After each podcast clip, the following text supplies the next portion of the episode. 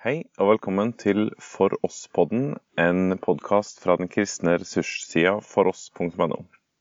Denne episoden er en innlest artikkel publisert på foross.no 23.12.2018 med tittelen 'Julefred i Kristus' av Jakob Appell. Det er Øyvind Ruud Kringstad som leser. Ære være Gud i det høyeste, og fred på jorden i mennesker Guds velbehag.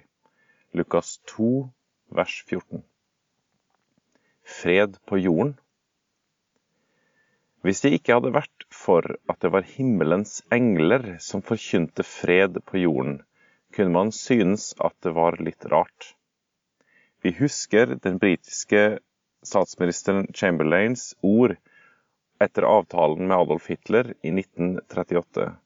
Peace for our time.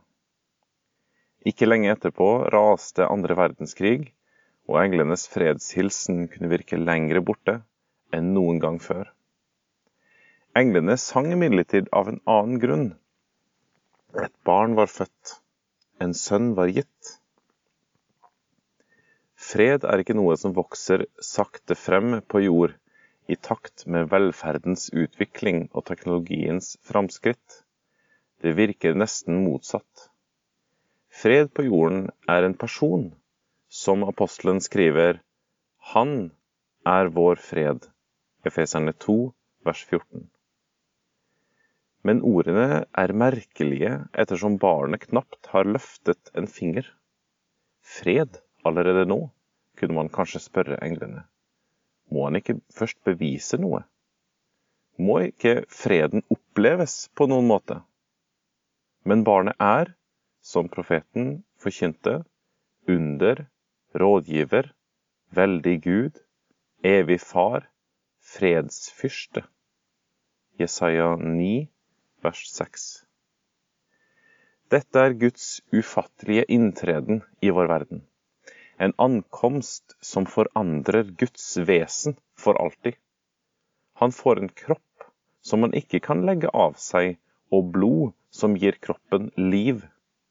Han utsetter seg for all den sårbarhet, fare og smerte som den menneskelige tilværelsen fører med seg her på jord. I Guds tanke er dette riktig tidspunkt, og den eneste mulige svar på skaperverkets skjebne, for at han skal kunne forandre den ødeleggende retningen som menneskeheten har staket ut for seg selv. Profetene hadde talt, og da Gud bekreftet ordene deres gjennom også å komme, da visste englene at profetien skulle gå i oppfyllelse til slutt. Så skal herredømmet bli stort, og freden bli uten ende over Davids trone og over hans kongerike. Jesaja 9, vers 7. Bare vent. En vakker dag skal freden bli uten ende. Kanskje var det dette hyrdene tenkte.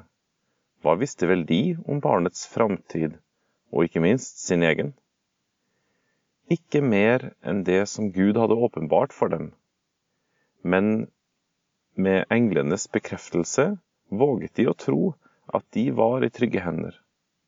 Den hellige, opphøyde og ikke minst virkelige Gud så de fattige, små hyrdene i deres mørke og ensomme nattevakt, og de fikk høre at de ikke trengte å være redde.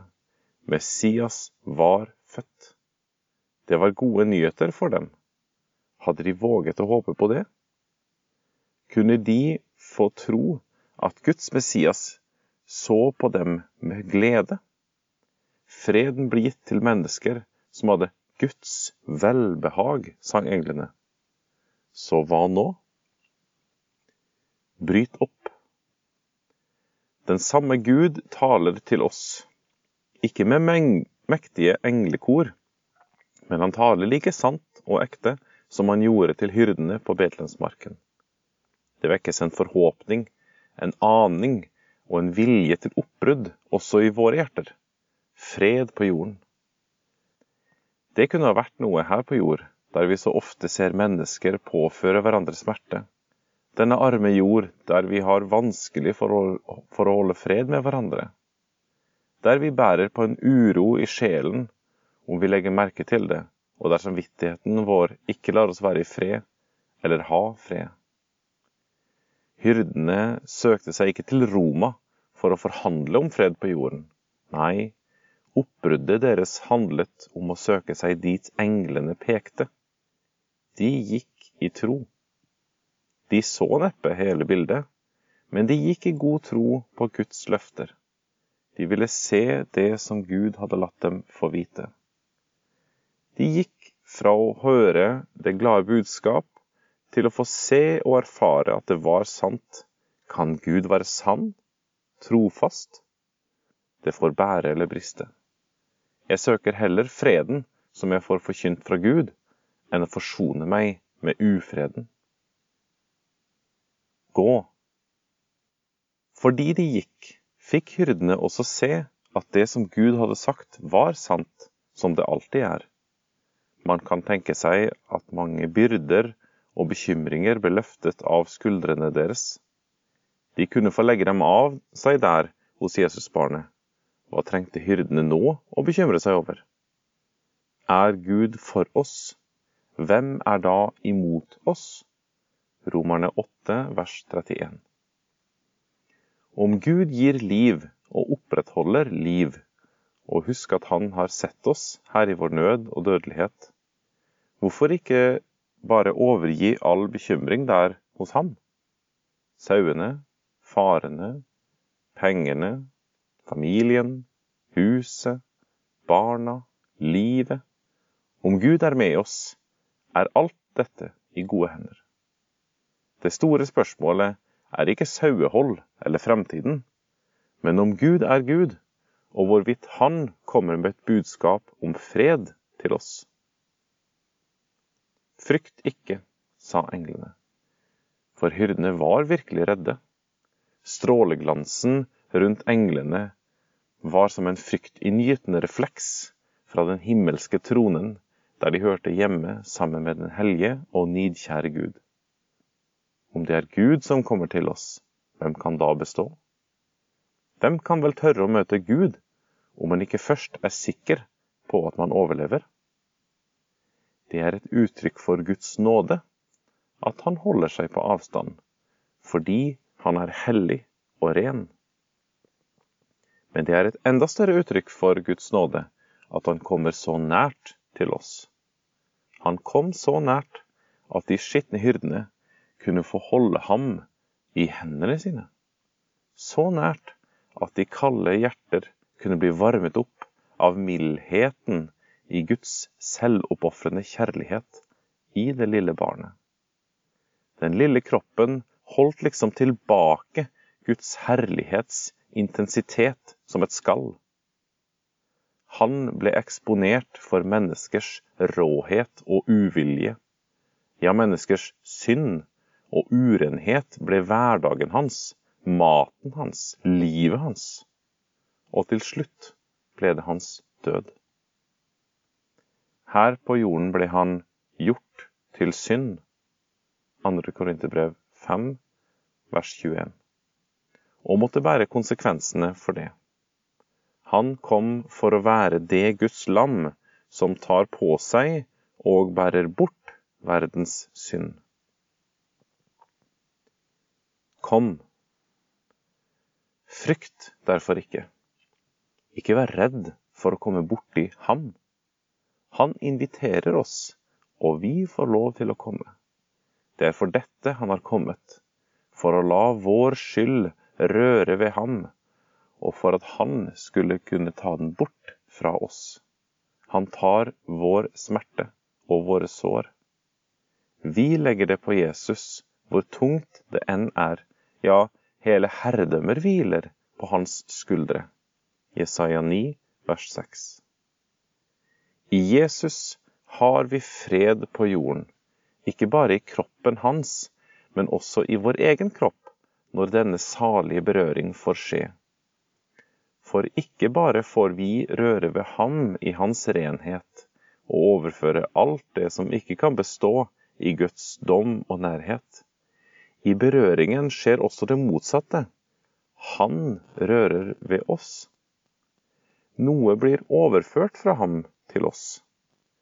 I den hellige stund, når våre lepper berører brødet og vinen, når de blir de berørt av Kristus selv.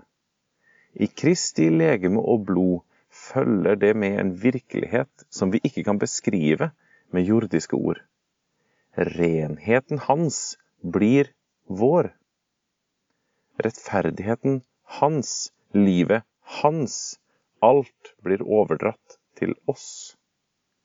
Det er nå en åpen dør mellom Guds hjerte og vårt hjerte. For det hører også med i julens glade budskap. Gud fikk kropp og blod for å kunne gi sin kropp og utgyte sitt blod for oss til syndernes forlatelse, liv og evig salighet. Lev. Det følger en fred med Jesus som englene sang om. Etter at vi har mottatt nattverden, får vi høre 'gå i Herrens fred'. Vi kan da si 'Jeg lever ikke lenger selv, men Kristus lever i meg'. Galaterne 2, vers 20. Og der Kristus er, er det fred på jorden og i hjertet. Det er ikke alltid en fred du kan føle på, for det er tross alt Guds fred som overgår all forstand. Filipperne 4, vers 7. Det er den freden som kommer av å se sitt liv som berget og trygt i Guds gode hender. Du er elsket og innesluttet i den evige Guds fellesskap. Du mangler ingenting, og du trenger ikke å frykte for noe. Etter Kristi fødsel har denne arme jord sett mange kriger og mye fiendskap, men Gud er med sine barn også i de mørkeste stundene. Han lar alt virke til det beste. Og vi venter. Fredsfyrsten skal komme tilbake, som han har sagt. Hva skal han ikke da ha med seg om han allerede i julenatten satte i gang englenes lovsang om fred på jorden. Kjære Jesus barn, nå vil også jeg bøye kne for deg her ved krybben din. Jeg vet at jeg aldri kan takke deg sånn som du fortjener. Jeg vet at jeg ikke kan gi deg noe som duger som en verdig takk for alt du har gjort for meg men ettersom du vil ha det onde som er i meg, så gir jeg deg alt. Mitt liv og mitt hjerte, min fortid og min skyld, min fremtid og min evighet. Jeg hadde aldri våget å komme til deg om ikke du hadde kommet til meg først. Men nå er du her, og jeg vet at du har kommet for min del. Derfor takker og priser jeg deg, og bøyer meg og bøyer meg for deg, kjære Jesusbarn, fredsfyrste, du som heter under, rådgiver og veldig Gud. Amen. Du har nå hørt artikkelen 'Julefred i Kristus', skrevet av Jakob Appell. Finn flere ressurser, og vær gjerne med å støtte oss på foross.no.